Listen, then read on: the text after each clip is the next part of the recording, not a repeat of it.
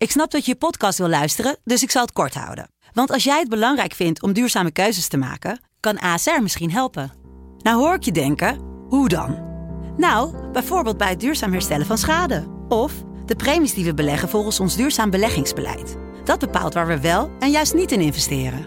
Wil je meer weten over welke duurzame keuzes ASR maakt? Ga dan naar asr.nl slash duurzame keuzes. ASR doet het. Zo, dan kan je nu lekker naar je podcast luisteren.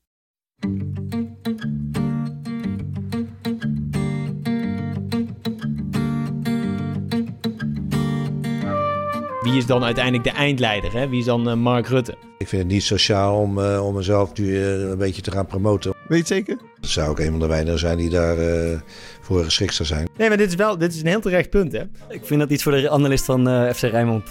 Ja, dat begrijp ik niet. Maar goed, dat zal wel. Ik zie wel een paar valkuilen.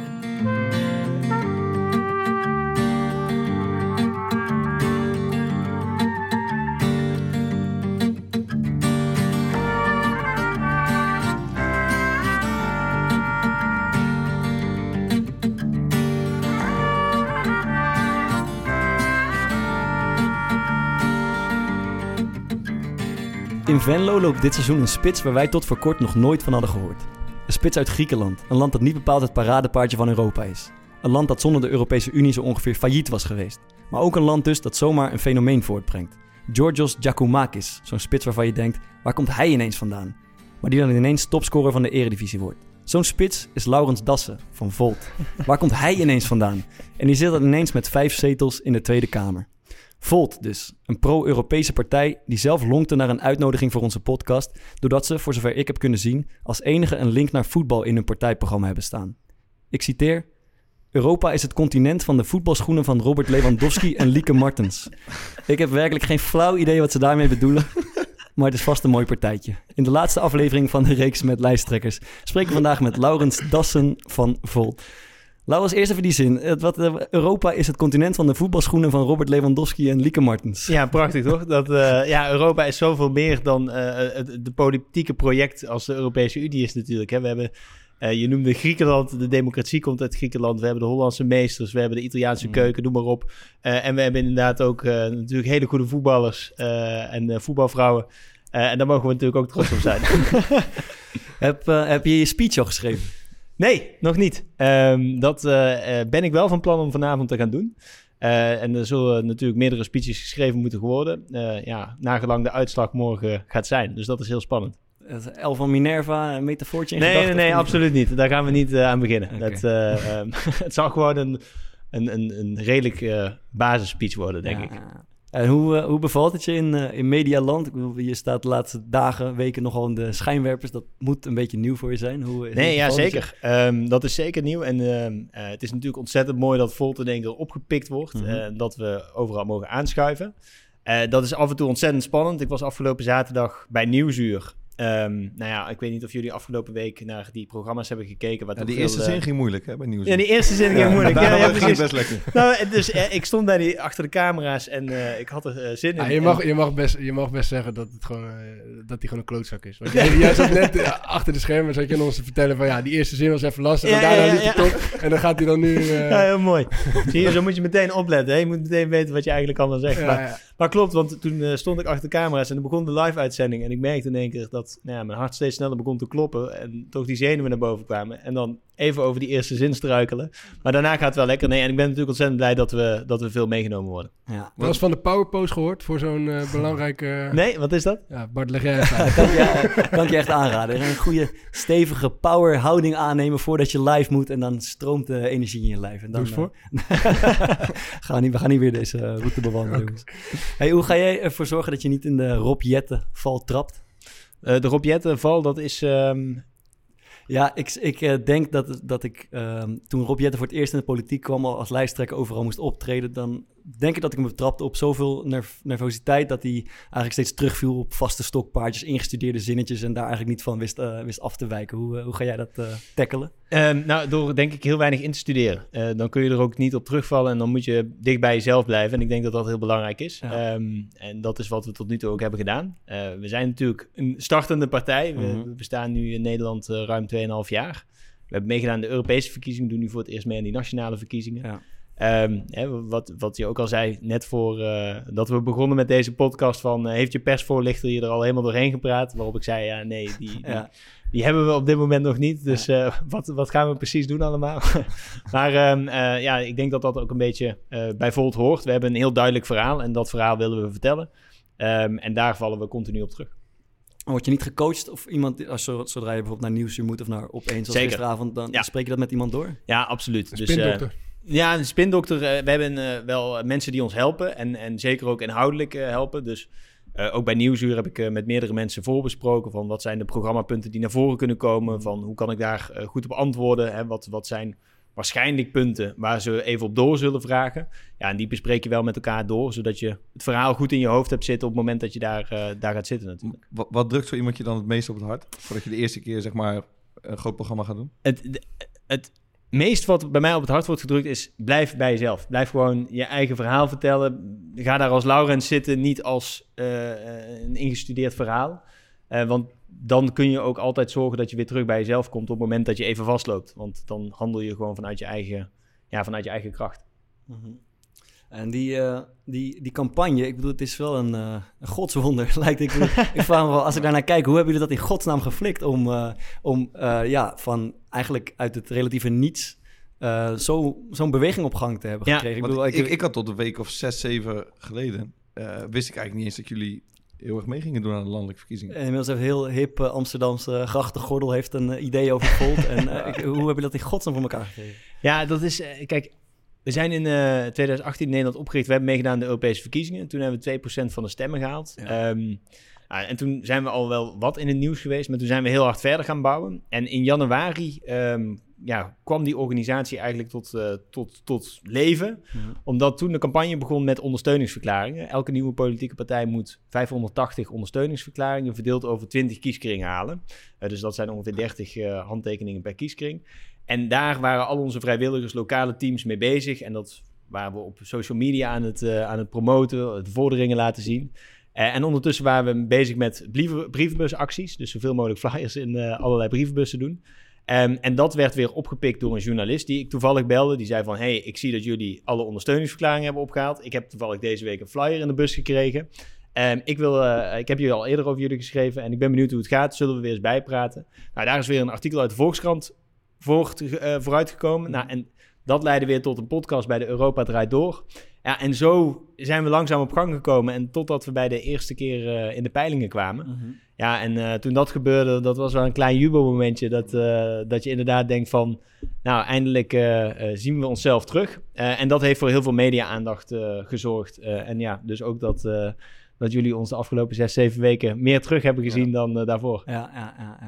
ja. Uh, ik heb vanochtend nog even een beetje gepolst in de kleedkamer. Dat doen we al een beetje zo rondom de lijsttrekkers die komen. Maar Volt was in de kleedkamer nog niet uh, echt doorgedrongen. Ehm, dus ik denk dat het wel misschien een goed moment is om even te introduceren aan ja. mensen die nog geen idee hebben wat Volt is. Waar jullie nou ongeveer voor staan. Thomas, wil jij er nog wat aan toevoegen? Nou ja, uh, wij willen je nog wel eens in de reden vallen. En als jij een mooi verhaal vertelt, dan is het in, Interrumperen. Interrumperen heet dat. Nou ja, de interruptie microfoon hier. ja, nou ja, een van onze gasten, die, uh, die, die vond het niet zo fijn, uh, Thierry Baudet. Maar we hebben zijn pet weten te jatten. Dus we hebben eigenlijk een nieuwe rubriek, de pet van, van Baudet. En uh, die mag je opzetten als je niet wenst uh, te worden. Dus dat is aan jou of jij hem... Uh... Ik, um, hij is gewassen, hè? Ik, ik geloof het helemaal. Jullie mogen mij gewoon interrumperen. Hij matcht bij je truitje ook. Ja, dat is wel waar. weet je het zeker? Ik weet het zeker. Nee, helemaal prima. Um, nee, ja, Volt is uh, ja, een, een, politiek voor een nieuwe generatie. Van, uh, wij zijn veelal jonge Europeanen uh, die een beetje klaar zijn met het verhaal van de vorige eeuw. Mm -hmm. Uh, want we zien dat als we ja, de manier waarop we nu naar Europese samenwerking kijken. Uh, dat. Uh, ah, jullie zijn met een bingo kaart. Heel chill. ik, heb, ik heb er bijna. Verticaal. heb ik rechts heb, je, heb, je, heb je hem oh, geweldig. Mooi.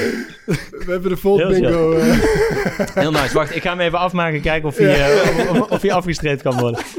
Uh, en van, um, uh, juist omdat, deze staat denk ik ook op, die grensoverschrijdende uitdagingen als klimaat, migratie, veiligheid, uh, sociale ongelijkheid, die kunnen we niet alleen in Nederland aanpakken, die moeten we met elkaar in heel Europa aanpakken. Dus dat moeten we grensoverschrijdend doen. En Volt zit dus in alle Europese landen, um, overal met hetzelfde verkiezingsprogramma. Juist om te zorgen dat we vanuit ja, 450 miljoen mensen Mhm. die uitdaging van vandaag eh, gemeenschappelijk aanpakken. En dus niet meer alleen maar vanuit Nederland daarnaar kijken. Hoeveel heb ik er? ik, heb een, eh, ik heb een verticale bingo. Kan je me voorbloemen, Marten? Heel vet. Ehm, Hij, hij sloot af met de uitdaging van vandaag aanpakken. Ik heb niks. eh, klaar met het verhaal van de vorige eeuw heb ik. Politiek van een nieuwe generatie. Ik miste nog eh, elkaar heel stevig vasthouden. Zonder grenzen en zonder de gulden opgegroeid. Die hoorde ik gisteren wel in eh, op één. Ja, de nationale Ja, zelf. ja, ja. Eh, dit, dit is jouw favoriet waar? Europees denken, lokaal handelen. Ja. En met één Europese stem spreken. Mooi. Die had hij bijna, die had hij bijna. Ja. Maar, goed, beetje flauw natuurlijk. Maar Nee, het is- nee, ja, het is maar heel mooi. Nee, maar is- dit is natuurlijk, kijk, dat is eh, ja, het basisverhaal van Volt, eh, wat ik heel veel vertel. En eh, wat dus blijkbaar ook goed, eh, Dat is blijkbaar. goed overkomt. Blijft dan. Maar misschien een beetje een flauwe vraag, maar waarom zou, zou ik niet op D66 stemmen en, en wel op Volt? Ja, het Zit fundamentele verschil... Verrossen. Ja, precies. Gisteren bij op één ook. Het fundamentele verschil met eh, eh, ehm, D- of D66, eigenlijk elke nationale partij en Volt, is dus dat wij in alle landen zijn en dus ook grensoverschrijdend die uitdagingen willen aanpakken. Ja. En wat wij willen doorbreken, en we zijn dus ook opgericht na de brexit, ehm, omdat we gezien hebben dat ehm, politieke partijen, of nee, dat eigenlijk heel veel uitdagingen die we hebben, die zijn dus globaal en die moeten we Europees aanpakken, maar de politiek blijft hangen in dat nationale denkkader. En dat is waarvan wij zeggen, ja, als je vanuit Nederland en vanuit andere landen tegen elkaar blijft redeneren, dan, ja, dan kom je niet tot een effectieve en daadkrachtige besluitvorming. En we zijn eh, door de brexit, eh, na de brexit zijn wij eigenlijk opgericht omdat we zeiden van, ja, hoe is het nou mogelijk dat in deze tijd, waarin we elkaar zo hard nodig hebben, ehm, dat, dat eh, landen ja, uit, de, uit de Europese Unie stappen. Mm. Ehm, en dus hebben wij gezegd, oké, we willen de politiek naar het Europees niveau tillen. Juist dus ook door om elk land ons voor dezelfde punten hard te maken. En dat is een wezenlijke andere manier van naar politiek kijken, wat, ja, wat nationale partijen niet doen. Ja, het is, het is zeker een, eh, een nieuw geluid. En, maar denk je, denk je dat het een... eh, eh, dat het ook wel een soort van hype is? Dat, dat, er, dat er een hoop mensen zijn in Nederland bijvoorbeeld. En ik denk vooral van Maarten's leeftijd. Dat ik wil niet mezelf jong, nog jongeren noemen. Maar die, die, die eigenlijk wel toe zijn aan iets, aan, aan iets anders dan, de, ja, dan wat er de afgelopen jaren gebeurt. Omdat, er gewoon, omdat jongeren gewoon merken dat, dat er voor hun niet zo heel veel gedaan wordt. Nou, ik hoop dat uh, veel jonge mensen ook uh, klaar zijn met uh, de, de, politiek van de afgelopen jaren. Omdat we zien dat we daar weinig vooruitgang mee boeken. En ja, ik, ik, ik denk niet dat het een hype is. Hè. We, we zitten in ja, heel Europa. Het mooie van Volt is dat we vanaf onderop ook ons beleid maken. Dus iedereen spreekt mee. Dat doen we ook op een digitaal platform waar we met alle mensen in heel Europa mee samenwerken. Um, juist om ja, op een andere manier naar, uh, naar die problemen te gaan kijken. En um, ik, ik zal hem even maken van hè, veel jonge mensen zijn zonder de gulden opgegroeid en, en zonder grenzen. En die kijken echt op een andere manier ja, naar, naar de toekomst dan dat de huidige politiek op dit moment doet. Ja. En jullie, jullie profileren je nogal als uh, weet je, anti-nationalistische partijen weg van het nationale denken. Wat is er in jouw ogen eigenlijk mis met een beetje nationalisme? Nou, um, kijk, dat uh, je trots bent om Nederlander te zijn. Hè? Ik ben ook trots op dat ik Brabander ben. Ik ben trots dat ik Nederlander ben. Um, dat zijn volgens mij allemaal identiteiten die naast elkaar kunnen bestaan. Dus daar is helemaal niks mis mee. Uh, het gaat fout op het moment dat je jezelf als uh, een groep gaat typeren die anders is dan anderen en daarmee beter is. En dat je dus angst gaat creëren voor ja, een andere groep, angst voor een buitenstaander, angst voor ja, andere groepen in de samenleving. En dat is een nationalisme um, Hè, waarbij je ook nog de, het verleden verheerlijkt. Uh, uh, en, en daarmee dus eigenlijk ja, soort propageert dat we terug moeten naar het verleden. Um, dan ga je volgens mij de verkeerde kant op. En uh, dat is echt, echt hetgeen waar we ons tegen afzetten. Hè. Dat is ook waar de brexit door ontstaan is. Van, ja, dat de Britten zouden weer heel zeggenschap terugkrijgen. Hè. De, de, Britse, of de vis zou weer Brits worden. en dan zouden, ze, dan zouden de vissen zelfs blijer zijn. Nou ja, um, we zien nu dat de brexit is geweest. Heel veel vissers, um, en er was laatst een filmpje op social media van een, een, een, visser die dus uitlegde waarom hij zo spijt had dat hij brexit had, gestemd. Hij zei, ja, ik heb nooit beseft dat ik zoveel zaken deed met de Europese Unie en mijn hele werkende leven, 44 jaar, een bedrijf opbouwen, stort gewoon nu helemaal in elkaar. En hij zei, ja, ik heb me mee laten slepen in dat nationalisme, in dat geluid van uh, take back control en get Brexit done Ja, d- dat is niet meer hoe de wereld werkt. En dat is volgens mij wat fout is met nationalisme. Ja. Maar dat je eh, staat te juichen op het moment dat Nederland zelf al speelt, dat ja, doe ik ook. Eh, en dan sta ik voorop. Ja, Ja. tuurlijk, weet je. Dat, daar mag je ook trots op zijn. Wij, we hadden het vorige week met, eh, met Klaas Dijkhoff over, eh, even kort over die, over die Moria-situatie, die eh al dan niet opnemen van vluchtelingen. En jullie partijprogramma ziet er best wel idealistisch uit, maar soms eh, in mijn ogen ontbreekt een beetje de praktische oplossing. Ik vroeg me af, hoe, zou jij, hoe kijk jij tegen zo'n situatie aan? Hoe zouden jullie als Volt dat het liefst oplossen? Nou, laat ik vooropstellen dat de situatie in Moria dat dat echt een schandvlek is eh, van Europa. Ik bedoel, we leven in een zeer welvarend continent en er zitten nu in kampen zitten eh, mensen die in zeiknatte tenten zitten, natte slaapzakken, waar de kinderen door ratten s'nachts gebeten worden. Ehm, en de politiek doet er eigenlijk niks aan. En op dit moment zie je ook dat de Nederlandse politiek zich verschuilt achter het verhaal van dat moeten we Europees oplossen. Ehm, wij zeggen met Volt ook van ja, uiteindelijk moeten we naar een Europees eh humaan migratiebeleid, waarin we afspraken met elkaar maken van op het moment dat er vluchtelingen komen, dat die aankomen en dat we die evenredig verdelen over de landen. Hè, dus op dit moment eh, zijn eh, voornamelijk Griekenland en Italië zijn eigenlijk degene eh, waarvan wij zeggen oké, ze komen bij jullie aan en, en jullie regelen het maar. Is dat dan evenredig gewoon naar het aantal inwoners wat je hebt of naar het oppervlak wat je land Ja, heeft? naar het of- oppervlak en naar het inwonersaantal. En je kunt ook kijken naar welvaart. dus dat je op die manier gaat kijken van hoe kun je mensen het beste verdelen over, eh, maar over dan heb je natuurlijk altijd nog te maken met landen als Ho- Hongarije en Polen die daar totaal niet op zitten te wachten en die dat gewoon niet doen. Toch? Precies, en dat is echt een, een uitdaging. En daarvan zouden we kunnen zeggen op het moment dat eh, dat niet gaat werken, dat zij extra bijdragen om te zorgen dat we de, de vluchtelingen in andere landen goed kunnen opvangen. Maar dus dat ze op een andere manier daaraan bijdragen. Financieel bereid. Ja, precies, hè? want uiteindelijk... ehm, een probleem van de Europese Unie is dat alle landen hebben ook een vetorecht. Hè? Dus eh, kunnen besluitvorming ook tegenhouden. Ja, en mensen moeten ook daadwerkelijk opgevangen worden en goed opgevangen worden. En dus niet in een land dan terechtkomen wat hen eigenlijk liever kwijt dan rijk is. Maar hoe, hoe, hoe zou je dat dan echt concreet voor je zien? Bijvoorbeeld nu komen heel veel vluchtelingen aan op bijvoorbeeld Moria of Lesbos is dat volgens mij een tijdje geweest. Ehm, st- stel die ehm, jullie zouden gewoon naar de macht komen veel landen en je zou dat kunnen regelen hoe je het zou willen. En in wat voor situatie zou zij dan terechtkomen in Italië of zou dat of eh, Griekenland? Of zou dat helemaal niet per se dan daar zijn? Nee, dus je zou zorgen dat mensen daar zo snel mogelijk naartoe kunnen komen. Dat je hele snelle procedures hebben, zodat je ook meteen weet van waar zijn mensen aan toe. Hè, mensen die gevlucht zijn voor oorlog en geweld, die vang je natuurlijk meteen op. Je zorgt dat ze toegang hebben tot eh, psychologische hulp, dat ze toegang hebben tot de taal, dat ze toegang hebben tot een woning, eh, tot onderwijs, tot de arbeidsmarkt. Ehm, maar dat moet je wel met alle landen doen. Dus je wilt ook zo snel mogelijk zorgen dat eh, die vluchtelingen gealloceerd worden naar het land waar ze het liefst, waar ze zelf naartoe zouden willen, of waar ze eventueel familie hebben, of, ehm, maar in ieder geval verdeeld worden over de hele Europese Unie. En, en, st- en stel nou, je, eh, je hebt een aantal punten waar die mensen eh, zich in eerste instantie bijvoorbeeld zouden kunnen ja, melden. Ik vind het klinkt niet zo heel netjes. Eh, en je hebt afgesproken dat als er een miljoen komen, dan verdelen we het. Bijvoorbeeld Nederland neemt er eh 50.000 op, Duitsland neemt er 150.000 op. Maar wat nou als er dan weer zo'n crisis uitbreekt zoals in, eh, in, in, eh, in Syrië? En er komen ineens bijvoorbeeld 3 miljoen vluchtelingen. En je hebt met al die landen dat afgesproken, maar sommige landen zeggen dan toch van dit, dit past bij ons niet. Ja, dat, dat is natuurlijk een hele een, moeilijke vraag van... eh, kijk, we zitten natuurlijk met ook een klimaatcrisis die eraan zit te komen. Hè? En als dat zo doorgaat, dan, dan zullen er ook heel veel klimaatvluchtelingen komen. Dus En daarom dat is ook een beetje waar ik op doelde. Ja, dus, en dat is natuurlijk een... een ja, een, hè, daarvan zou je eigenlijk moeten zeggen... dat wil je zoveel mogelijk voorkomen.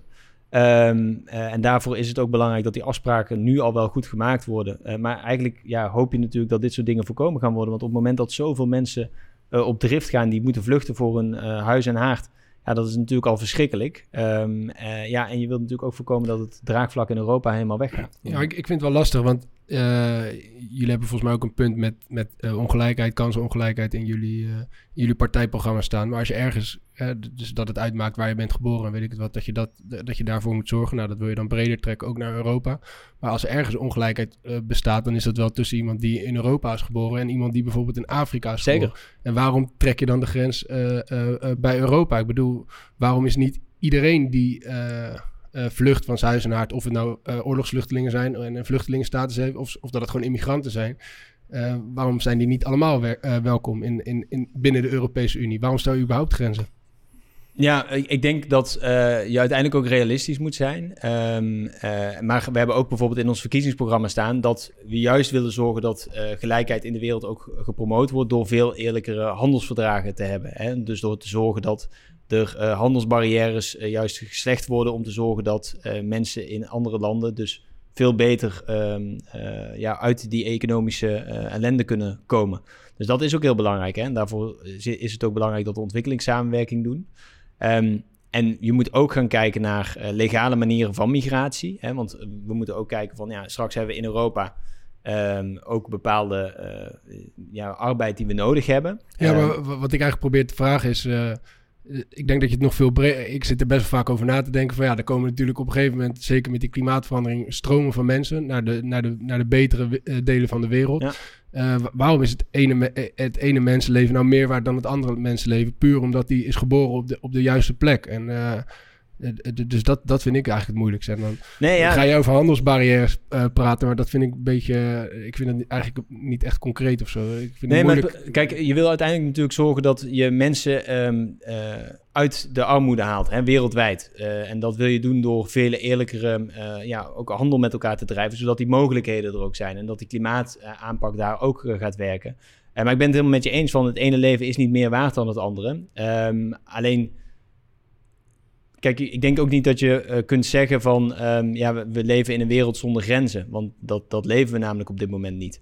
Um, hoe mooi dat wel natuurlijk zou zijn als er in de wereld helemaal geen grenzen meer zouden zijn. Um, maar ja, op, op dit moment is dat ook niet realistisch om daar, uh, denk ik, op die manier naar te kijken.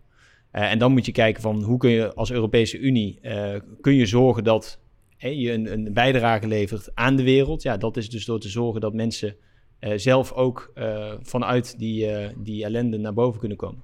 Ja. Is dat de droom van Volt voor de 22e eeuw? Volt wereldwijd, geen grenzen meer?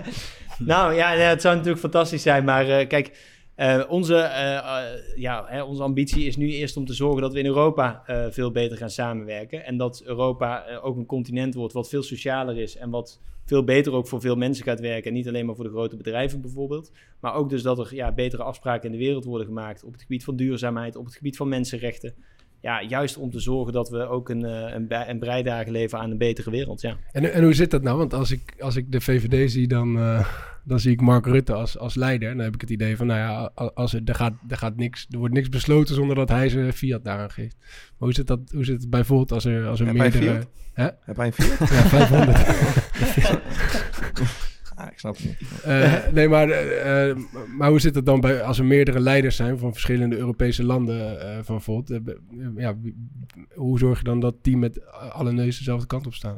Ja, uiteindelijk Volt is ook Europees gezien een ledenpartij. Hè? Dus uiteindelijk betalen, bepalen de leden van welke richting we met elkaar omgaan. Dus we hebben elke jaar hebben we twee bijeenkomsten Europees geregeld. En dan wordt er gestemd over beleid, over het verkiezingsprogramma. En dat is natuurlijk ook hetgeen waar uh, ja, de, de vertegenwoordigers van Volt uh, zich voor in moeten zetten.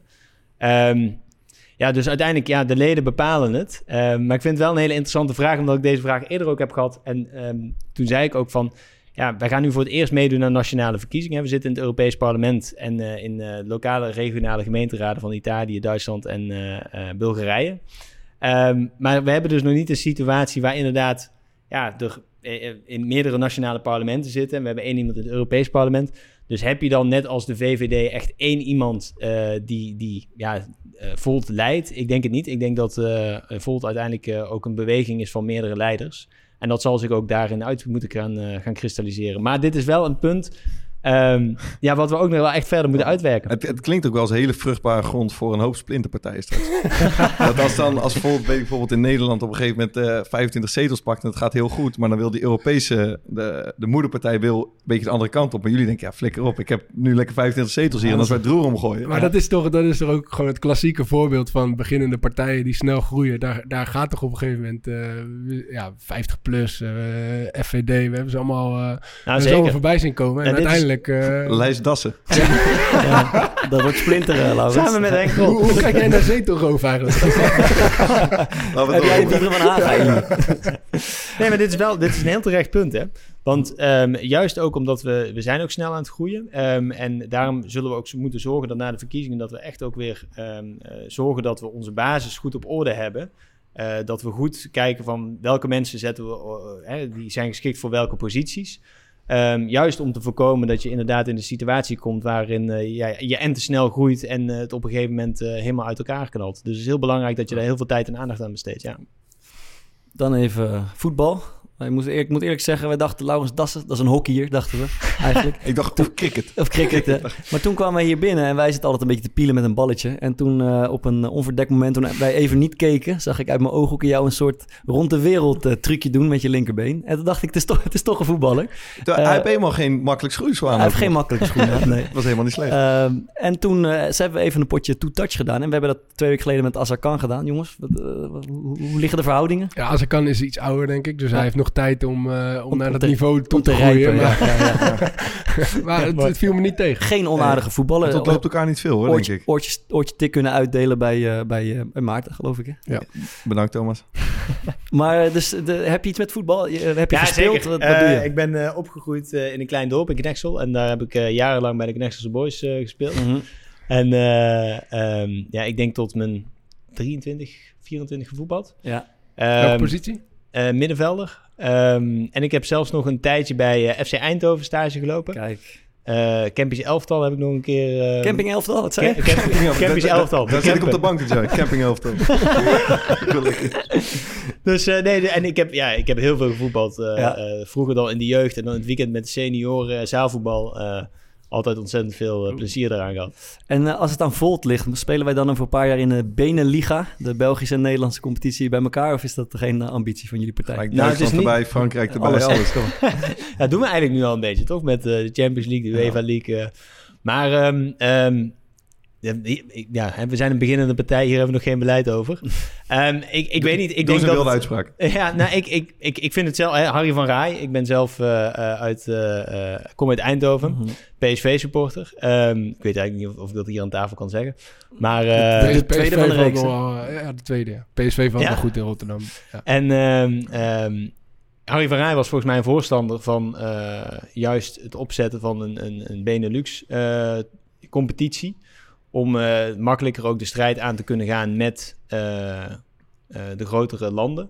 Ehm, ja, ik, ik, ik weet niet of dat een, een echte toegevoegde waarde is eh, voor, eh, voor het voetbal. Ik ben eigenlijk meer benieuwd van hoe jullie daarnaar kijken. Li- Lijkt jullie... Ja, ik hoef jou dat deze vraag op. Ik vind dat iets voor de analist van eh, FC Rijnmond. Thomas. Nee, ja, ik, ik, ik denk dat dat alleen maar de kwaliteit van het voetbal in Nederland beter zal maken. Maar ik zie wel een paar eh, valkuilen. Want volgens mij is het belastingstelsel in België bijvoorbeeld heel anders. Dus, dus volgens mij Gaan als ze je, in Europees België, regelen. ja, als je in België gaat voetballen, dan, eh, dan hou je daar meer geld aan over. Dus dan is er toch wel sprake van eh, oneerlijke concurrentie, zeg maar, tussen die, twee, eh, tussen die twee clubs. Dus dat zijn wel echt dingen waar je duidelijk afspraken over moet maken. Maar als je het niveau omhoog brengt, dan komt er uiteindelijk Dus ik ook, denk ook dat- meer geld dat- binnen. ja. Dat het spannend en spectaculair is voor de, voor de toeschouwer, maar dat de clubs waar wij spelen dan wel aan het kortste eind gaan trekken. En niet bij de, bij de hoogste regionen. eh. Ja, ja mogen dat is meedoen. waar. Ja. Ja, dus, dus die clubs die zijn vooral de, de grootste tegenstanders. er wat- dat is wel een bizar verschil. Kijk, wat jij speelt bij Sparta, dat is een beetje uh, rechterrijtje eredivisie. Nou, Ja. daar- Daar zal een, een topspeler eh, een keer hoog in tussen de ton en de twee ton verdienen, denk ik. Mm. Eh, misschien een keer net erboven, maar Bart, hoeveel verdienen? ja, ja, jij drie, maar gemiddeld bij jullie is het, denk, denk ik ruim onder de twee. Maar ik ken jongens die in België op het tweede niveau spelen. En Ja. die zitten daar 3,5, 4 Ja. ton. Dat is echt een ziek verschil, Ja, man. ja, ja.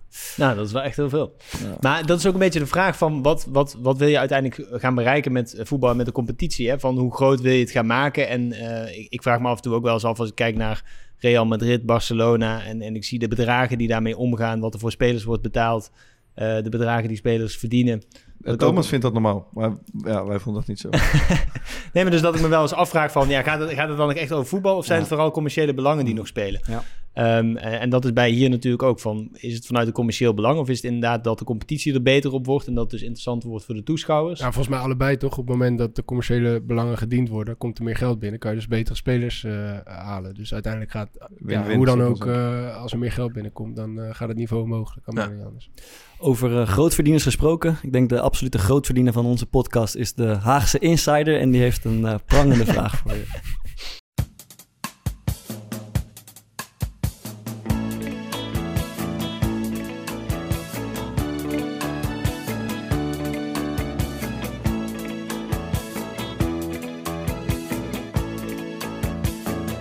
Volt, watt, ampère. Ik kan die tv niet aanzetten of ik zie hem alweer zitten, die Laurens Das. Ik word er helemaal gek van.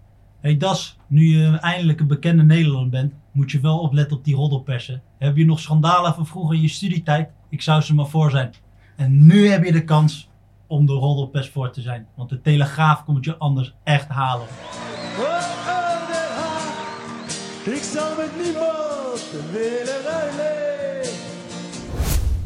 De Telegraaf komt je halen, Laurens. De Telegraaf komt me halen. Nou, dat is op zich eh, positief. Dan kan ik daar dadelijk mee naar huis. Zijn er nog mooie schandalen uit je studietijd die je nu nog eventjes op tafel wil voordat, eh, voordat het... Nee, ja, kijk, ik ben natuurlijk ook wel eens eh, eh, compleet dronken naar huis gegaan en eh, op de bar gestaan en dat soort dingen. Maar eh, geen hele grote schandalen waarvan ik denk van eh, dat mag absoluut niet eh, naar, naar buiten komen. Dus je bent zorgvuldig gescout door de, ja, ja, door de precies. Er clubleider is een goede God. check gedaan Ja. en Heb je- ik heb heb je- van alles moeten Heb je nooit bij een fout studentenvereniging of zo gezeten? Ik heb wel bij een studentenvereniging gezeten, ehm, maar niet, niet fout. Ben je ontgro- ontgroend? Ja, zeker. Wat moest je doen? Wat moest je doen? Eh, wat moest ik doen? Nou, voornamelijk heel lang in een, eh, in, in een rij staan. Wat vind je daarvan eigenlijk? Want ik, ik weet dat heel veel mensen die nooit bij een studentenvereniging hebben gezeten, die kijken daar echt, echt met afgrijzen naar. Die denken echt van waarom zou je dat in hemelsnaam doen? Ja, dat is een hele goede vraag. Ehm, ja, het, ik, kijk, ik, zo'n, ik vond zo'n studentenvereniging vond ik ontzettend leuk, vond ik heel interessant. En toen dacht ik, ja, daar ga ik me gewoon bij aanmelden. Maar ik heb Ehm, me ook wel eens laten vertellen dat zo'n ontgroening ook wel een bepaalde psychologische waarde heeft. Dat je, dat je naar elkaar toegroeit als, als, als, als jaargenoten. Ja, maar ik denk ook wel dat, eh, dat, ehm, eh, dat ik denk ook wel dat het verschilt per studentenvereniging hoe zwaar zo'n ontgroening is. Ehm, en dat viel eh, bij ons allemaal reuze mee, hoor. Dus dat is niet dat. dat Ja. bij de light versie van ja, de- dat denk ik wel. Dat is niet dat je echt helemaal. eh, nee, dat viel allemaal reuze mee. Wat, wat was je voor leerling in de klas? Wat was je voor jong in de klas? Ehm, op de middelbare school eh, was ik heel rustig. Ja. Ehm, niet eh, super actief met, eh, met leren bezig. voornamelijk bezig met buitenschoolse activiteiten. Dus veel voetballen, ik maakte muziek. veel met vrienden bezig. Ehm, en in mijn studententijd heeft dat in het begin... was ik ook veel bezig met alle activiteiten eromheen. En op een gegeven moment is die knop omgegaan... en toen was het in de biep eh, studeren, studeren en studeren. Wat denk, Bankier wat denk jij? Instrument, instrumentje? Ik zit even te kijken. Ik denk iets, Ja. met, iets met een fluit of zo. Nee, Denk jij? ik, denk, ik denk piano. Ja, nee, nee. Ik denk Ik saxofoon. heb zeker piano gespeeld eh, en eh, bariton. Dat is een kleine tuba. Ja, toch, toch een blazertje, toch een blazertje. Leuk. Ehm, de- en ja, wat me eh, opviel is, eh, je zegt een aantal interviews dat je tegenwoordig rondkomt van 1500 euro in de maand. Misschien een beetje een persoonlijke vraag, maar... eh, Dat doet Bart in de week, denk ik. ik wist dat die ging komen. Maar eerlijk gezegd, dat is een, dat wij een- waren onder de indruk van Lilian Marijnissen. Die vertelde dat eh Modaal, net boven Modaal, Ja. geloof ik, met z'n allen en de rest allemaal inleverde. Maar jij, jij doet er nog even een schepje bovenop. Maar je ziet er chic uit. Ik denk, het is best een bescheiden inkomen om van, om van rond te komen. Die Hoe- schoenen zijn zeker al wat is het, 250. Dat is- Ja, 100 euro. maar, ehm, eh, nee, ja, klopt. Ehm, eh, ik heb 2,5 jaar geleden mijn baan Ja. opgezegd. Toen eh, werkte ik bij ABN AMRO. Daar zat ik tegen witwassen en terrorismefinanciering. Ik was namelijk afgestudeerd in de financiële crisis. Dus ik dacht, als er ergens veel gaat gebeuren, dan is het in, Ja. de, in die wereld. Ehm, en toen heb, ik, ja, toen heb ik op een gegeven moment voor de keuze gestaan. We zijn Volt aan het opzetten, eh, maar we hebben geen geld. En geen mensen is geen geld. Eh, geen geld is geen mensen. Ehm, dus als we dit echt eh, wil- verder willen brengen en we geloven hierin, dan zullen we zelf ook de stap moeten maken om hier fulltime voor aan de slag te gaan. Dus toen heb ik samen met Reinier mijn baan opgezegd. Eerste anderhalf jaar van mijn spaargeld kunnen leven. Toen dat op was, toen heb ik nog vier maanden een klus kunnen doen bij ABN AMRO, Mhm. eh, part-time. En daarna heb ik gezegd bij Volt, ja, ik wil graag verder en fulltime. Alleen dan heb ik wel eh, eh, ja, in ieder geval eh, een basisinkomen nodig dat ik mijn huur kan betalen en af en toe nog een keer een trui of een, een shirt kan kopen. Maar goed, het was zeker wennen, want je, komt vanuit een groot bedrijf met een goed salaris. alles is goed geregeld. je bent carrière aan het maken. En uiteindelijk, een week later, zit je in een keuken bij mensen thuis. omdat je geen werkruimte hebt, samen met wat andere mensen. Eh, een beetje zoeken van hoe gaan we dit doen? Hoe gaan we dit vormgeven? Ehm, ja, het is een compleet andere ervaring geweest. Mhm. en, ehm, maar wel een, een ervaring waarvan mijn vriendin ook zei van... Laurens, ik heb je nog nooit met zoveel passie en energie ergens over horen praten en, en eh, je actief voor zien inzetten. Dus volgens mij moet je dit ook gewoon gaan Ja. doen. En ja, als je dan nog geen hypotheek en geen kinderen hebt, dan kun je zo'n eh, zo'n sprong natuurlijk ook nog een keer maken. Zorgt, is, is het niet, wat dat idee kreeg ik een beetje, misschien, maar dat is een beetje kort door de bocht. Maar bij de SP doen ze natuurlijk om de, om, de grip op hun eigen achterban eh, niet kwijt te raken. En om, om, om te laten zien dat zij eh, zelf in hetzelfde schuitje zitten. Dat Maar- salaris inleveren bedoel je? ja, ja, ja. Ja, ja. Maar, maar, eh, is, dat voor jou, is dat voor jou ook misschien wel een drijfveer geweest? Dat je, dat je dan weet van eh, nou ja, hoe andere mensen eh, moeten leven die eh, op het minimuminkomen zitten? Nee, want ik denk niet dat dat te vergelijken is. Ehm, eh, want kijk, ik heb hiervoor een goede baan gehad. eh, en en eh, ik, ik, ik woon op een hartstikke mooie eh, plek. En eh, eigenlijk, weet je, ik, ik heb nu 1500 euro, maar ik heb echt helemaal niks te klagen. Ja. Eh, en ik geloof dat mensen die echt eh, bij, tegen de armoedegrens aanzetten, financiële stress hebben, echt eh, moeten rondkomen van een bedrag waar ze ook hun kinderen mee moeten voeden en eh, noem maar op. Ehm, dat dat toch wel echt anders is van, dan wat ik nu aan het doen ben. Dus dat is eh, niet te vergelijken, denk ik. Staan jullie dicht bij die, die mensen, denk je? Als, eh, Ehm, we hebben een hele sociale agenda. Ehm, eh, ik vind wel dat we de komende jaren ook in moeten zetten om te zorgen dat we nog veel meer eh, met die mensen in gesprek gaan. En dat ze ook veel meer onderdeel nog worden van Volt. Want dat is Hoe, hoe zou je dat willen doen, concreet? Nou, dus door daar eh, actief naartoe te gaan. Dus met mensen gewoon in gesprek te gaan. Ehm, bij mensen in de regio langs te gaan. Bij boerenbedrijven langs te gaan. Naar mensen in de wijken toe te gaan. Juist om te zorgen dat ja, je ook hoort wat er leeft. eh, en ook laten zien wat Volt kan betekenen voor, eh, voor die mensen. Dat is wel een, eh, dat wordt wel een, misschien een uitdaging. Want het klinkt een beetje zo als, alsof jullie zo geworteld zijn in Europa. En dat betekent dat, per definitie dat je nogal ver weg af lijkt te staan van, Ja. laat ik zeggen, de normale man eh, ja, op straat. maar dan ga ik hem toch maken. Dan mag je Europees hem- denken, lokaal handelen. Ja, kijk eens even. Is iemand al compleet? was, eh, Zijn we er nu? wa- was eh, Gert-Jan Segers gisteren niet goed eh, ingelicht met zijn vraag over eh, van ja, jullie willen het allemaal Europees centraal gaan regelen. eh, vergeet je dan niet om, eh om Nee, want lokaal dat, dat willen we juist ook helemaal niet. Hè? Ja. We willen juist zorgen dat die dingen die we het beste Europees kunnen aanpakken, zoals klimaat, veiligheid, dat we dat ook daadwerkelijk Europees gaan doen. Maar we zeggen bijvoorbeeld nu ook onderwijs. Dat is echt een nationale eh, aangelegenheid, want dat hebben we in Nederland gewoon anders eh, geregeld dan in andere landen. Dus daar hebben we in Nederland een ja, hele sterke agenda voor, om te zorgen dat dat eigenlijk al begint bij kinderopvang en gratis kinderopvang. De hybride leraar eh, ik. hybride leraar, juist om te zorgen naar aan de ene kant dat lerarentekort wordt opgelost, maar aan de andere kant ook dat ja, kinderen veel meer in contact ook komen met de verschillende beroepen die er zijn. Dus dat Denk je dat het echt werkt? Eh, ja, ik denk het wel. Ehm, eh, hè, dus dat er een keer een tegel zetten voor de klas staat, een keer een advocaat, een keer, eh, eh, ja, noem maar op. En ik denk dat dat hartstikke mooi zou zijn. Over advoca ja, advocaat, dan is het bruggetje snel ge- Dick? Dick? gemaakt naar... nou ja, niet, niet naar Dick per se, maar... nou ja, wij, hebben natuurlijk ook trainers. En, en ik denk dat een trainer ook een soort docent is. En op het moment dat een trainer heel veel van voetbal weet...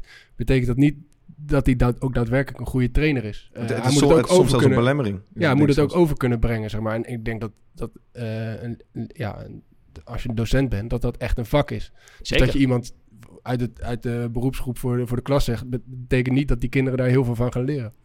Nou, ik denk ook niet dat je het zou moeten zien als eh, iemand die dus structureel voor de klas gaat staan. Maar wel dus dat je zorgt dat eh, kinderen veel meer in contact komen, ook met die hybride leraren. En ja, daar kun je natuurlijk ook zorgen dat daar eh, een soort opleidingstraject ook voor is. Maar hoe bedoel je niet structureel? Dat, dat een hybride leraar één keertje per jaar of zo langskomt? Of, Nou, dus dat je kunt kijken van, dus dat je ehm, eh, mensen dus opleidt om dat te doen. En dat die dan eh, gedeeltelijk voor de klas staan. Dus niet vast, want dan is het niet meer hybride. Maar dus dat ze één dag in de week... Maar dat is eh, wel structureel toch? Alsnog? ja, Ja, oké. dus leren de kinderen één dag in de week leren ze niks, omdat die, eh, om- omdat die er niks van kan. Nee, maar goed, het moet natuurlijk wel goed werken. Ja. ehm, eh, want anders heeft het geen zin. Dus eh, ik denk dat het toegevoegde waarde kan zijn. Dat het juist een verbreding is in het onderwijs van wat we nu hebben. Ehm, en ik denk dat het ook kan helpen om eh, eh, ja, de basisscholen en de middelbare scholen... om juist extra eh, kracht daarbij te zetten. Welk beroep zou daar dan zeg maar, bij uitstek geschikt voor zijn? Ja, ik denk dat je dus een, verschillende soorten beroepen moet hebben. Dus dat, eh, Als je zou- er eentje moet kiezen die als eerst gaat. Nou, ik zou arts zou ik heel mooi vinden. Als, daar, eh, eh, als kinderen daar ook veel meer in aanraking Ja, ik heb komen. fysiotherapie gestudeerd en daar op die opleiding was het eigenlijk wel zo. Dat, dat je geen les mocht geven als je niet ook daadwerkelijk nog in de praktijk werkte. Dus die, dat waren allemaal eh, parttime leraren. Maar ja, de ene kon het wat beter dan de ander, laten we het zo zeggen. Ja, maar ik denk dat dat ja, met veel eh, dingen Ja. is. Maar daar kun je mensen natuurlijk ook in begeleiden en in helpen om, eh, om te zorgen dat dat op het juiste niveau ontwikkeld wordt.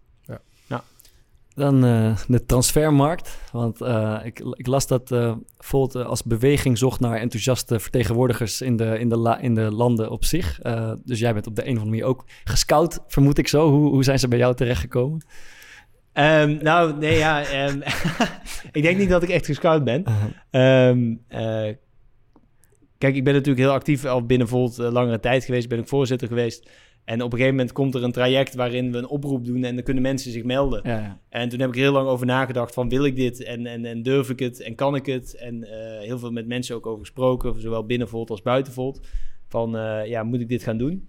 Eh, ja, en toen me op een gegeven moment aangemeld. Eh, dan ga je een traject in, dan word je gesprekken met de kandidatencommissie, die eh, natuurlijk bepaalde vragen gaan stellen, ook over, over je achtergrond. Eh, en weten van inderdaad van zitten er nog lijken in de kast. Ehm, eh, en uiteindelijk ja, word je dan voorgesteld eh, aan, de, aan de leden. Heb je toen echt gezegd, nee, er zit er geen, eh, er, is, er is niks? Of heb je toen gezegd, nou, er zou nog wel iets, een klein dingetje, maar in principe is het... Nee, nee, nee. Echt Dat- helemaal niks. Echt helemaal niks. Zou het bij jou iets naar, naar buiten kunnen komen, Bak? Ik kan me niet voorstellen, hoor. Bij jou? ik kan het me ook niet voorstellen. Maar Het is hier heel stil naast me. Ik zeg niks. Nee, nee, ver- verder dan... eh, ik, ik heb één één keer een nacht in de cel gezeten, maar... daar mag je hebt er iemand met een hamer achterna gezeten. noemen. Nee, nee, toen, toen ben ik op tijd eh, tot één keer... eh, Nee, ik, heb echt, ik, ben echt schoon op dat gebied. man. Ja? ja. Jij Bart? Brandschoon. Geloof jij hem? Nee. Geloof jij hem, Laurens? Jawel, ik wel. Dat zie je. Ja. Soort, Eh, soort zoekt soort, hè?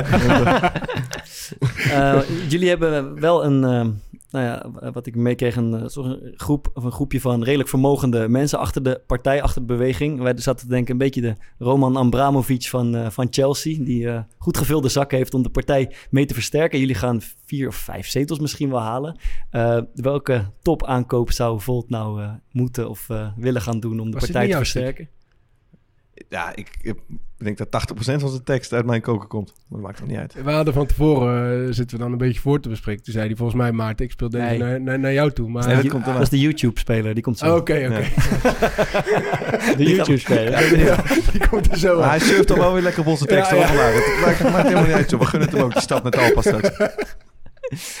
Nee, maar was, Zometeen zometeen komt de YouTube-speler, maar eerst even de, de Abramovic. Ja, ja, nou ja, ik denk dat, eh, eh, eh, maar dat vind ik zelf ook een inspirerende vrouw, Samantha Power.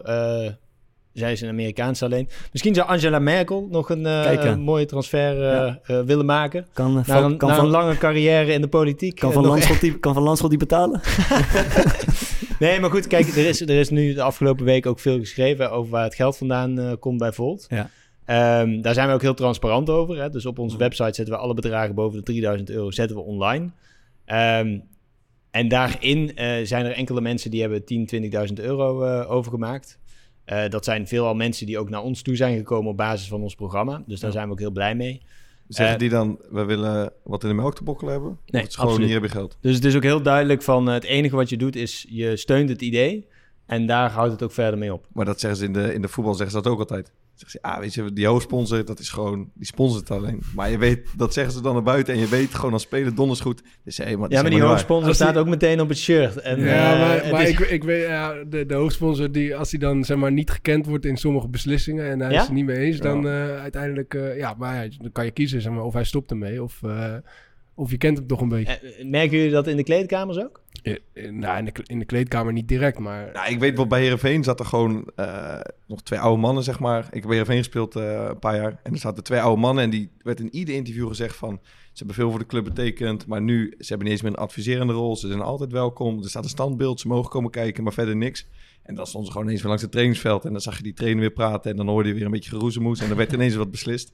En dan werd naar buiten weer gezegd, ze bepa- bepalen niks, het zijn gewoon fans. Maar dat was gewoon bullshit. Nou ja, dat is bij ons in ieder geval niet het geval. Dus die Dat, geldschieters eh, gaan zich mengen. Nee, Ja. nee, absoluut niet. Dat gebeurt. Dat, dat is, eh, ja, dat, dat, absoluut Gewoon helemaal zo'n zijn we ook vu nu. Daar, daar zijn we heel duidelijk over dat dat niet eh, het geval is. Eh, en ehm, eh, kijk, we hebben nu 350.000 euro uiteindelijk bij elkaar weten te sprokkelen voor het campagnebudget. Eh, ik denk dat de, de helft daarvan is ongeveer grotere donaties, dus eh eh 1000 euro plus. Ehm, met een uitschieter naar 25.000. We hebben twee eh, keer 25.000 euro eh, ontvangen. En de rest zijn allemaal kleine donaties. Dus we hebben ongeveer meer dan 5000 kleinere donaties Mhm. gehad. ehm, om uiteindelijk zo'n bedrag op te halen. Dus ik weet niet, eh, 350.000 euro, wat, eh, ja, wat, wat, wat we daarvoor eh, Ja, kunnen kan, je, transferen. kan je Bart één jaar, denk ik, eh, als hij zijn huidige salaris eh, wil houden, kan één jaar tekenen. ik, ik zat aan eh, Frans Timmermans te denken. Is dat niet wat voor jullie? Frans Timmermans. Nou ja, zeker. Hij- Het is een, eh, eh, eh, volgens mij een eh, echte Europeaan. Ehm, maar eh, ja, ook wel een, eh, een P van de A natuurlijk. Ja. En eh, ik denk niet dat hij snel eh, de overstap zal maken. hoezo niet? nou, ik denk dat hij eh, nu in zijn rol als eh, eh, eurocommissaris, dat hij daar prima zit. Eh, en dat Ja, maar hij, dat eh, heeft niks, in principe niks te maken met het verschil tussen PvdA en eh Volt, toch? Nee, ik denk het niet. Eh, ik denk dat we ook, ook dat. Ik denk dat Frans Timmermans zich ook wel heel goed in het idee van Volt. eh, eh, Want het, het zou toch best logisch zijn als je wat links de gedachtegoed aanhangt, maar je werkt bijvoorbeeld zoals Frans Timmermans dan namens de PvdA in Europa, dat je dan denkt, nou dat volt. Dat past misschien eigenlijk wel veel beter bij mij. Ja, maar ik, ik, ik durf niet helemaal in de gedachten van Frans Timmermans te gaan kijken nu. Maar ehm, Ja, gewoon eh, doen, boeien. eh, ik denk dat, eh, eh, ik denk dat, ja, weet je, uiteindelijk hij zit ook al zo lang bij de PvdA. Ik denk niet dat hem dat eh, in dank wordt. is een loyale speler. Ik denk het wel. maar- het is een beetje de Messi van, eh, hè, dan, dan, als hij weg wil, dan, dan overtuigen ze hem toch nog om wat langer te blijven. YouTube aankoop je dan nu? Hoe was die ook alweer? ik weet het niet meer. Weet jij nog? toch? Nee, ja, ik heb het niet bedacht, Fok. Jij jij bent degene... Jij schrijft de metafoortjes Ja, ik op weet, de ik weet de intro nog wel, maar ik weet eigenlijk niet meer waar die heen gaat. Daarna. ik, ik maak hem wel af voor je. Nee, kijk, je hebt in de voetballerij wel eens, zoals eh, bijvoorbeeld Mink Peters is daar een bekend voorbeeld van. Die speelde bij Ajax in de jeugd, maar was geen hele bijzondere speler. Maar die had een, eh, zo heb ik het begrepen, een soort compilatie van zichzelf gemaakt en de video's op YouTube gezet. En dat uiteindelijk naar Real Madrid gestuurd. Ehm, en Real Madrid heeft hem gewoon opgepikt uiteindelijk. Ja, toen kwam hij daar, bleek het helemaal geen bijzondere speler te zijn. En hij- nu in Nederland is hij volgens mij zelfs bij de amateurs, eh, bij de amateurs beland. Ah, ik weet waar we heen gingen. Maar Volt lijkt ook een beetje zo, ja, Europees bij elkaar geraapt. Allemaal hele mooie eh, punten. Maar bij de YouTube-spelers zit er altijd een alletje onder het gras. Van of eh, het is een filmpje van vijf minuten samengesteld uit tien uur aan beelden. Of die gast blijkt helemaal niet te kunnen rennen. Of hij blijkt ineens 1,60 te zijn. Of de tegenstander is helemaal niks. Dus wat is bij Volt dan het, het alletje onder het gras? Goed, goed metafoortje dit, toch? ja, ik weet het niet. Ah, sterk. Ehm, Ja, jij vindt hem wel goed. Meent hij niks van? ehm, ja, wat is eh, bijvoorbeeld het addertje onder het gras? Laat ik dan anders vragen. Wat is denk je jullie grootste valkuil? Voor de, stel je, je pakt morgen vijf zetels, groot feest. Wat is dan hetgene waar je Nou, het meest de- van op de kijk, de uitdaging waar we natuurlijk voor staan is dat het voor veel mensen nieuw is. Eh, dat we eh, weinig ervaring hebben. Ehm, dus dat we ook moeten zorgen dat we heel snel die ervaring opdoen en dat we weten hoe, eh, hoe alles werkt. Eh, en daarnaast, we zijn met iets compleet nieuws bezig, wat nog niet eerder is gedaan. Dus we hebben ook niet een model waar we naar kunnen kijken van, hey, op die manier zou het kunnen werken. Dus we zijn aan het pionieren. jij stelde net de vraag van, ehm, eh, ja, wie is dan uiteindelijk de eindleider? Hè? Wie is dan eh, Mark Rutte?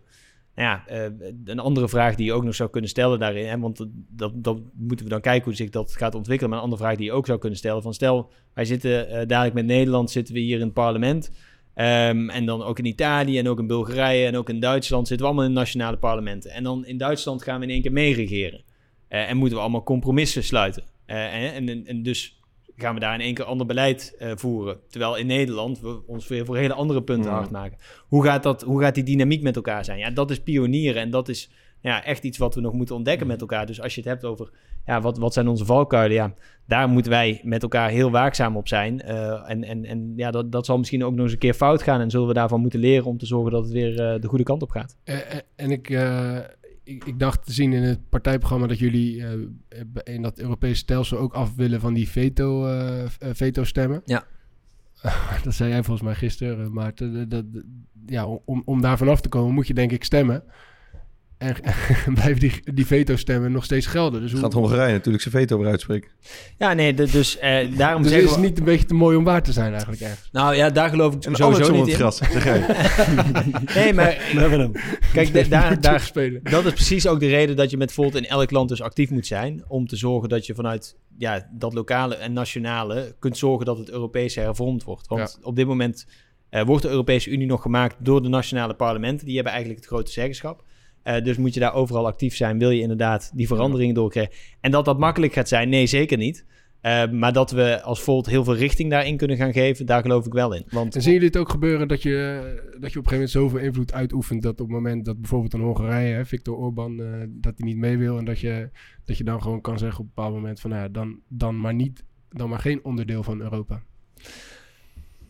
Nou ja, goed, ik, ik, wat daar gebeurt is natuurlijk echt schandalig. Eh, de manier hoe Viktor Orban de hele democratie eh, naar, de, ja, naar de knoppen heeft geholpen, de persvrijheid heeft afgepakt. eh, Moeten ze eruit? Ja. Nou, kijk... Je Ja of kunt- nee? Nee, ja, je, kunt ze er, je kunt ze er sowieso op dit moment ook niet uitzetten. Maar ik, hè, er zijn ook heel veel mensen, heel veel Hongaren... die juist ook kijken naar eh, de Europese Unie als hun laatste eh, hoop. Ja. Ehm, en eh, nou ja, eh, wat wel goed is, wat je ook ziet in eh, Hongarije, is dat alle oppositiepartijen zich aan het verenigen zijn, juist om te zorgen dat Viktor Orbán de volgende verkiezingen niet gaat winnen.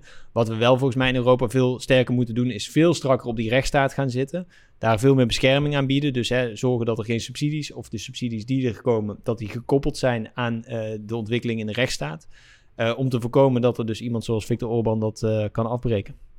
Wat overigens veel te lang is getolereerd Ja. dat dat is gebeurd. En ehm, eh, ik bedoel, er zijn filmpjes met eh, Juncker, hè, de vorige eh, commissiepresident. eh, die volgens mij tien jaar geleden al Viktor Orbán verwelkomde, verwelkomde met... Ah, daar is de dictator. Ja. Ja, als ik die filmpjes terugkijk, dan denk ik... Oké, maar toen was het toch al he- helder van wat die man aan het doen was. Van. CDA, die samen met hem in de, de Europese familie zit. Waarom is daar niet harder op uitgesproken? Waarom is daar niet harder op ingegrepen? Waarom zijn er niet Hmm. eerder subsidies gekort? Waarom is die rechtsstaat niet eerder, zijn er niet eerder afspraken over gemaakt? Mhm. Ehm, dus ik- ja, ik denk wel dat het een les is voor heel veel eh, politieke partijen om daar zich ook harder voor uit te gaan spreken. En het basisinkomen, wil je daar nog over hebben? Ik Nee. had het idee eh, dat, je, dat jullie dat even in hadden gefietst, omdat jullie denken dat er een hoop mensen eh, die op jullie zouden kunnen stemmen, Rutger Bregman, hebben Nee, nee, gelezen. nee. Dus we zetten het basisinkomen erin. Ik dacht, nou, dat is interessant. En er staat er vervolgens staat erbij, ja, we we, weten nog niet moeten, precies hoe. ja, we moeten gaan onderzoeken of het Ja. financieel haalbaar is. Ik, dan denk ik Ja. bij mezelf, ja, dat had je natuurlijk, daar heb je in principe geen zetels voor nodig om dat te onderzoeken. Ehm, nou, Dat uiteindelijk kunnen doen. Nee, da- daar zal echt wel grootschalig onderzoek naar gedaan moeten worden. We hebben dit ook in ons Europese programma staan. Dus dat is niet alleen maar omdat eh, Rutger Bregman eh, erin zit, maar eh, hè, dat hebben we met, heel Europa, dat met heel Europa hebben we dat gedaan. Nee, juist omdat we ook zien dat die wereld ontzettend snel aan het veranderen is. En dat we misschien ook op een andere manier moeten gaan kijken van hoe waarderen we bepaalde ja, zaken in de samenleving, zoals mantelzorg, vrijwilligerswerk.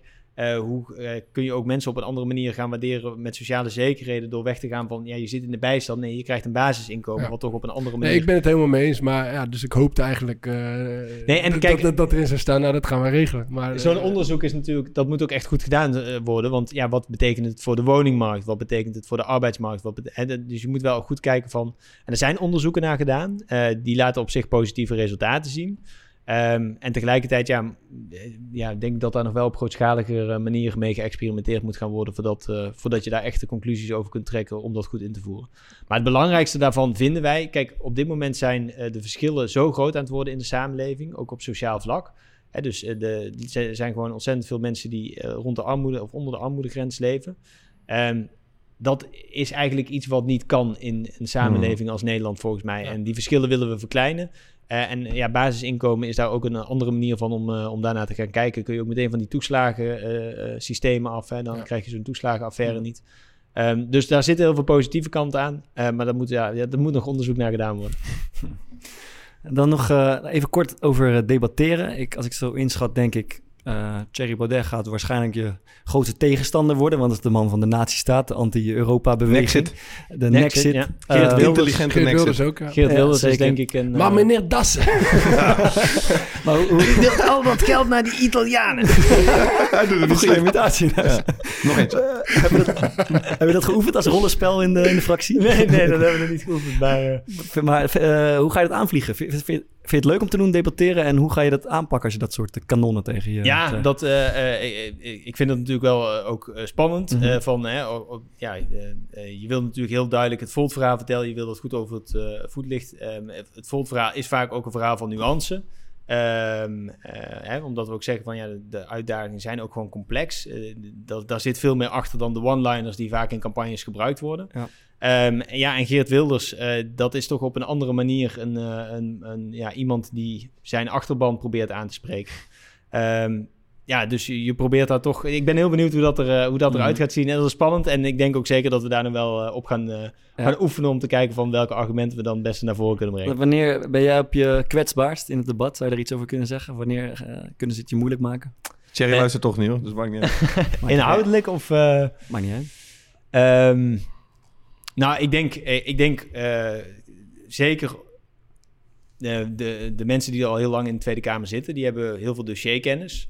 Ehm, en ja, kennis is in dat opzicht ook wel een, een vorm van macht, denk ik. Ehm, eh, dus is het voor mij zaak om te zorgen dat ik zoveel mogelijk Ja. ja. dossierkennis in hele korte tijd op ga doen. Eh, me zoveel mogelijk inlees. En eh, zorgen dat ik met veel mensen spreek om ook de- te zorgen ja, dat ik de geschiedenis weet van hoe bepaalde dingen tot stand zijn Ja. gekomen. Waarom ze niet veranderen zoals ik wil dat ze veranderen. Ja. Ehm, en om te zorgen dus dat ik eh, dat debat goed aan kan. Ja, dus de spanning zit er een beetje in eh, als je op een onderwerp wordt bevraagd waar je eigenlijk nog, nog te- Precies, voor je gevoel ja. te weinig kennis Ja. over hebt. Oké. Ja. Ehm, ik denk dat we even een voorspelling Ik, ik heb nog ja, ja. een heel klein vraagje. Want je had het net ook nog eventjes over die tussen neus en lippen door doen dat je stage hebt gelopen bij FC Eindhoven. Dan ben ik toch benieuwd waar het dan, eh, waar het dan mis is gegaan. Ja, ik was gewoon niet goed genoeg. Maar, ik werd gewoon, op een gegeven moment werd ik gewoon eh, ja, voorbij gepingeld. En eh, ja, dus daar ging het gewoon compleet mis. Oké, ja, dat, Maar het, was een- ik vond het een hele mooie ervaring van ehm, eh, ja, voetballen in het stadion. En ehm, eh, er was elke week eh, ja, was het dan, eh, ik geloof, anderhalve dag dat we, daar, eh, dat, dat we daarmee bezig waren. Dat was dan vier, vijf maanden lang, dacht ik. Ehm, en uiteindelijk kreeg je een rapport en ik had iets te veel vijven. Dus eh gewoon echt een eh, schoolrapport. ja, een schoolrapport, ik geloof zes, zeven punten of zo. dribbelen, koppen. Had je, wel, Ja? Had je voldoende wel of niet? Ik had ook twee zessen, geloof ik. Maar ik had het merendeel was eh, onvoldoende, ja. Had- Had jij liever onze baan gehad of je eigen baan op dit moment? Eh, nou, ik vind wat ik nu mag doen, vind ik Ja. wel heel bijzonder. Ehm, eh, Ik denk voor jouw salaris dat hij gewoon bij Sparta gaat staan. Op, nou, misschien kunnen we een week ruilen. Dan, Lijkt mij heel vet, ja zeker. Ehm, dan eh, de voorspelling, we hebben eh, de Easy Toys eh, voorspel, voorspelspel.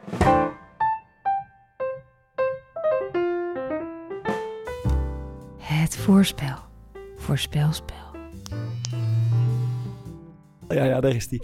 Dat is ons eh, sponsorblok waarin we elke week eh, een uh, voorspellingje gaan doen. En eh, ik, eh, ik moet even de spelregels uitleggen. Er is namelijk wat te winnen. Een Easy Toys goodie bag kan je winnen. Ehm, als je het goed hebt, dan is die voor jou. Maar je mag ook, eh, als je er geen interesse in hebt, dan mag je ook voor kiezen om hem weg te geven. Maar dan willen we wel even weten aan wie je hem weggeeft. Oké, Eh, laten we daarmee beginnen. Is het voor jou of ga je hem weggeven? Eh, ik ga hem weggeven. En aan wie?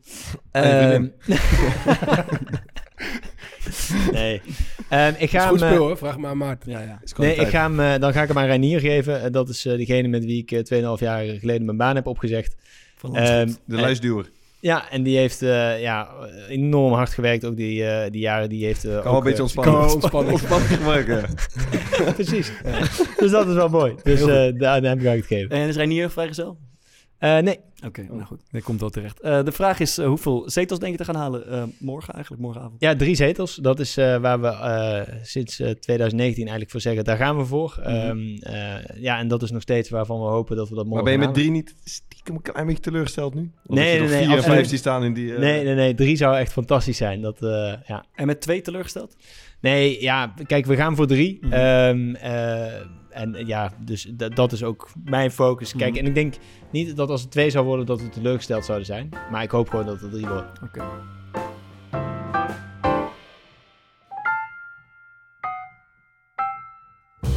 Dan tot slot een rondje aanraders van de week. Eh, Ja, en ik ben zou benieuwd. het eh, leuk vinden om van jou te horen Ah. waar, je mee, eh, waar je mee komt. Nou, de aanrader van de week is een documentaire die op Netflix staat. Mhm. Ik sprak net al even over Samantha Power. Vind ik een hele inspirerende vrouw. Ehm, zij heeft, heeft heel veel voor mensenrechten gedaan. Is Ja. daar ook heel actief in geweest. Ehm, zij is later voor de Obama eh, ja, regering gaan werken als ambassadrice bij de Verenigde Naties. Ja. Ehm, en zij zit in The Final Year. Dat is een documentaire waarin ze het team van Obama in het laatste jaar eh, volgen. En, en zij heeft ook een boek eh, geschreven, De Leerschool van Idealist. Waarin zij eigenlijk schetst van, ja, je wilt hele grote veranderingen teweeg brengen. Maar om daar te komen, ja, moet je ook vaak slikken dat je maar hele kleine stapjes kunt zetten. Ja. En eh, dat zou ik zeker als aanrader willen geven. Mooi.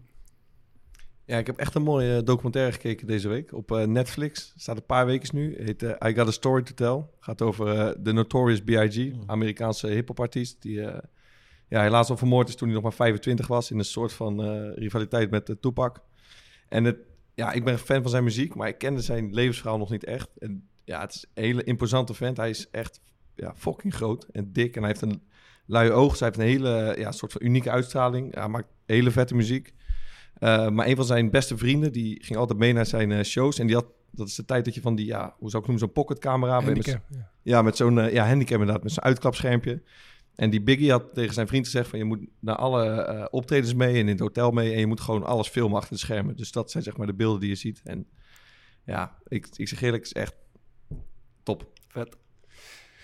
Ik, eh, ik heb hem denk ik al eerder getipt, maar ik ga het nog een keer doen. Want dit is, Kan. eh, als, je door- als je door je tips heen bent, kan je gewoon nee, de nee, bal nee, zakken. want dit, dit is een, eh, dit is een seizoen bijgekomen. En eh, ik wil Mokko Mafia Ah, ja, ja. eh, tippen, die serie. Eh, Tata. want ik vind het e- echt, eh, eh, echt gruwelijk. En ik denk dat te veel mensen het idee hebben dat het een beetje een oppervlakkige serie is die, eh die, die, die, die Mokko Mafia op een bepaalde manier verheerlijkt. Maar ik denk dat het een super realistische serie is die ook laat zien eh, ja, wat voor ellende dus schuil gaat achter die, eh, achter die, grote, eh, die grote kopstuk uit de, uit de criminele wereld. En daarnaast de acteurs die daarin spelen, die zijn zo ongelooflijk eh, ja, eh, goed. En, eh, dus dat is mijn tip. Zit, zit Royston er nog in? Ja, eh, het is seizoen 3. Ik moet Ja. ook eerlijk zeggen dat ik iedere donderdagavond eh, tot 12 uur opbleef om, eh, om de volgende aflevering die om, op vrijdag Ja, eh, online kwam eh, eh, te kijken. En Royce die zit in het begin van de derde seizoen zit hij er nog in. Maar eh, het loopt niet goed voor hem af. Kan Nee? ik.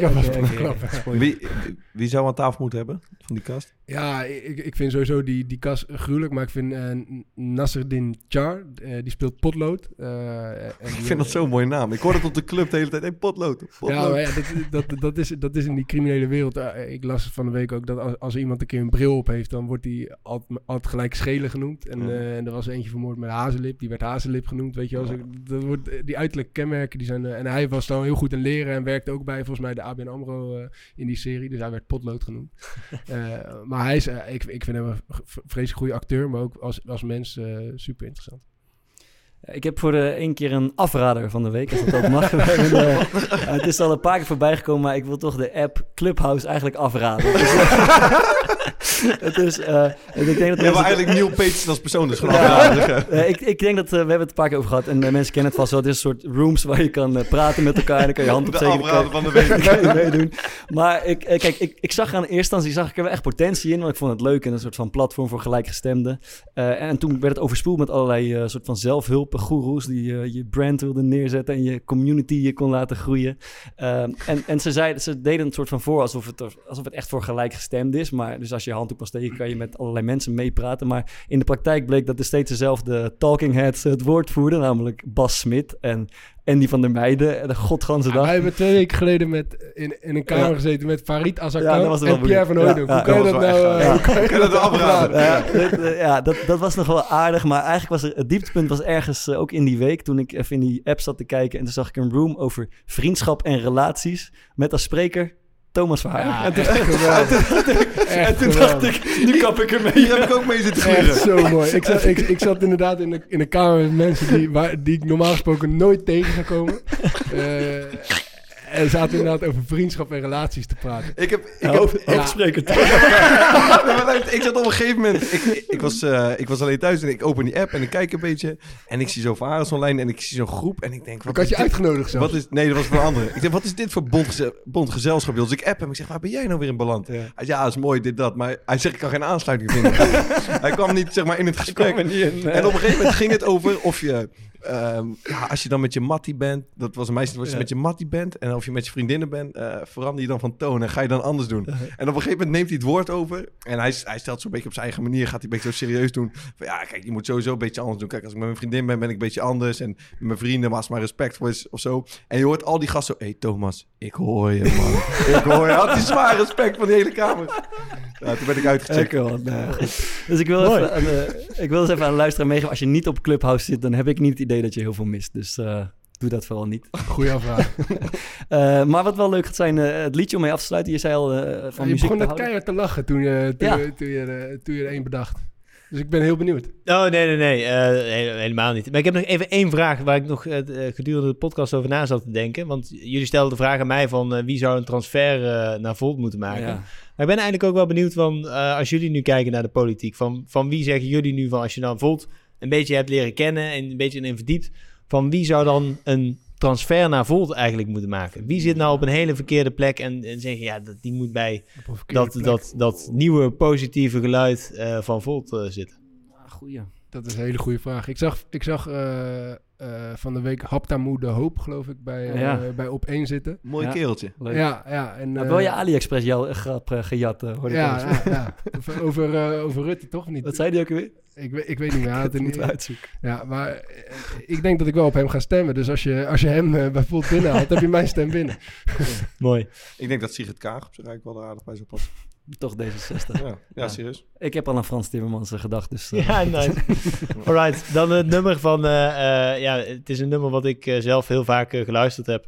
Ehm, eh, in mijn studententijd en, en, en, en daarna ook. Eh, wat volgens mij een, een lekker nummer is, is eh, Empire of the Sun met eh, Walking on a Dream. Kijk. Nice. Mooi. Oké, cool. Eh, ik wil je heel veel succes wensen morgen. Ja, en, dank.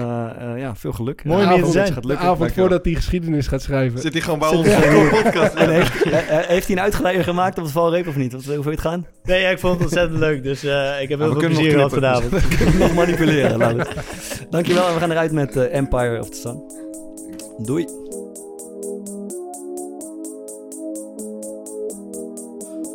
On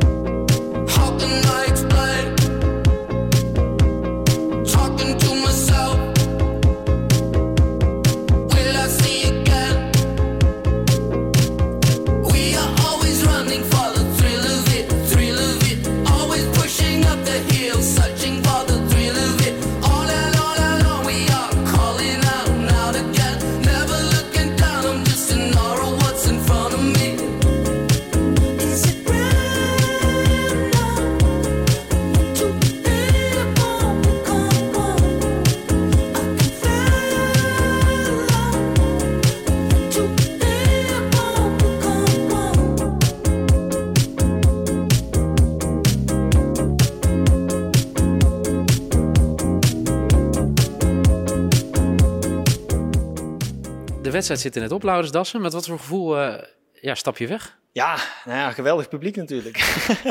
nee, het was een ontzettend leuke uitzending, dus eh, enorm van genoten. Ehm, interessante vragen ook over transfers. Eh, die Ja. had ik niet helemaal zien aankomen. Dat was toch even een beetje zoeken, spannend. Dat is niet wat ik normaal ge- gewend ben in wedstrijden. Maar een hele leuke uitzending. Ja. Ze hadden je wel te pakken, de eerste paar minuten, met de bingo. Met de bingo, ja, fantastisch. Ik heb zo ontzettend hard gelachen. En ik zag op een gegeven moment de kaartjes zag ik op de tafel komen. Ja, dat ik dacht, oké, ik zie ze kruisen. Oké, bingo. ja, en terecht. Was het de eerste keer dat je deze opmerking hoorde? Eh, ja, ja Ah, zeker. Dus, eh, dus dat is een mooi om mee te nemen weer. Ja, eh, compliment naar jou toe. Want voorafgaand aan de podcast hadden de mannen voor mij hun stem wel klaar. In ieder geval, ze waren eruit waar ze morgen op gingen stemmen. Nu twijfelen ze. Wat heb je met ze gedaan? Wat denk je dat je met ze hebt gedaan? Ik weet niet, het was gewoon een ontzettend leuk gesprek. En eh, ehm, ik- ja, ik hoop dat ik in ieder geval mensen een beetje aan het denken heb kunnen krijgen over de manier waarop er naar politiek gekeken wordt. Hè, van dat we dat niet eh, ja, alleen vanuit Nederland doen, maar dat we dat veel beter met meer mensen kunnen doen. Ehm, ja, en verder was het gewoon een ontzettend leuk gesprek. En dat, eh, dat helpt natuurlijk altijd. Ja, eh, als je naar deze drie mannen kijkt, wie past het best bij Volt? Ehm, Weet je de namen überhaupt nog van de jongens? ik denk eh, dat Thomas wel goed zou passen Want? bij Volt. Ehm ja, Maarten eigenlijk ook wel, denk ik. Ik denk dat ze eigenlijk alle Bart drie... alleen eh, niet. ik denk eigenlijk dat ze alle drie hartstikke goed bij Volt zouden pakken. Maar waarom- Gewoon enthousiast, ondernemend, eh, eh, ze willen naar een betere toekomst. Niet alleen voor zichzelf, maar voor andere mensen. Dat zie je ook in de vragen die ze stellen. Ja. Zijn sociaal eh, eh, bevlogen. eh, en ik denk dat dat eh, ja, eigenschappen zijn die eh, goed bij mensen bij Volt passen. Ja, één ding. Ik denk dat ze het nooit zullen doen. Ik weet het niet. Nou ja, Eh, zo, ik denk ze eigenlijk waren dat, zo eh, onder de indruk van voor welk geld jij het deed. Ja, nou, ik denk eh, dat ze misschien na deze eh, lijsttrekker eh, podcast, eh, dat ze met al die mensen hebben gesproken, dat ze denken, ja, misschien gaan we dit wel doorzetten. Misschien dat we zelf ook wel politiek actief gaan worden. En dan zijn ze welkom. Dan zijn ze absoluut welkom, ja. Denk Dank ook je. dat het mooi is als ze dat zouden doen. Ja? Zeker. Oké, dat is een sollicitatie richting die mannen. ja, goed, dankjewel. Dank.